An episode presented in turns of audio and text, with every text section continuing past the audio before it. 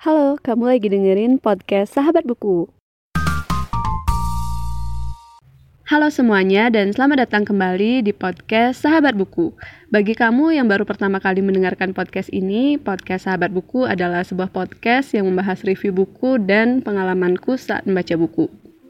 Di episode ini, aku akan membahas uh, buku puisi, tapi sebenarnya aku agak ragu awalnya untuk membahas topik ini tapi aku rasa penting gitu karena sekarang aku udah mungkin udah cukup nyaman gitu untuk baca buku puisi.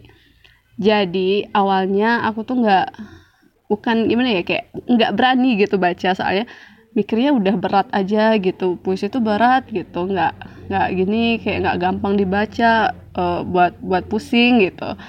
Tapi uh, itu mungkin dulu ya mungkin karena aku lihat juga waktu aku dapat kuliah uh, puisi waktu di jurusanku aku ada dapat enjoy gitu loh kayak dapat kenyamanan gitu untuk uh, membuat puisi walaupun itu iseng-iseng aja karena tugas kuliah awalnya. Dan itu pun masih pakai bahasa Inggris gitu. Jadi aku juga kalau puisi bahasa Indonesia aku nggak terlalu tahu. Tapi abis itu aku iseng gitu kan kayak aku mikir kalau aku nggak pernah baca buku puisi kayak aku nggak nggak nggak bener tahu gitu gimana sih rasanya baca buku puisi gitu karena uh, sebelum sebelumnya aku nggak baca dalam bentuk buku gitu cuma sekedar kayak googling di internet terus uh, nemu satu puisi terus aku baca terus juga uh, sempet kayak ada tugas nganalisis gitu dari dosen Nah, pertemuan awalku sama buku puisi sebenarnya itu terjadi tahun lalu, bener-bener tahun lalu. Karena aku tuh beli buku judulnya Doa untuk Anak Cucu karya W.S. Rendra.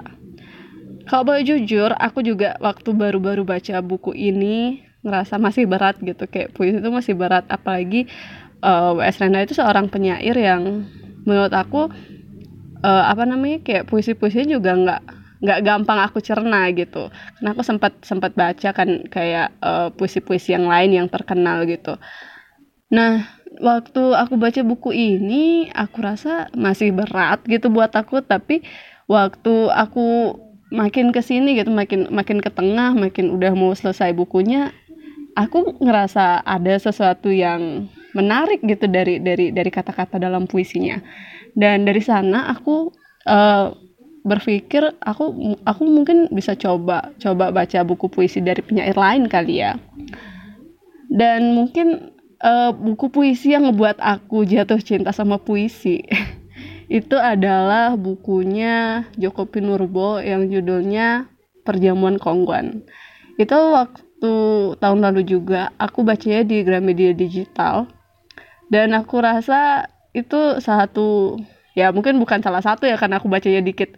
Mungkin itu buku puisi yang ngebuat aku kayak ih seru nih aku harus baca kayak gitu dari sana aku baca buku-buku puisinya Pak Joko Pinurbo dan mungkin udah baca beberapa. Nggak nggak semua sih karena belum belum baca semua. Tapi uh, so far gitu uh, buku puisi favoritku adalah Salah Piknik. Karena aku bisa baca berkali-kali dan ya mungkin karena membahas tentang masa pandemi juga jadinya kan relate gitu loh kita merasakan pandemi yang udah dua tahunan tapi masih ya anggaplah masih masih gini-gini aja gitu. Tapi bagusnya uh, mungkin eh, nggak uh, sehektik waktu baru-baru pandemi kali ya.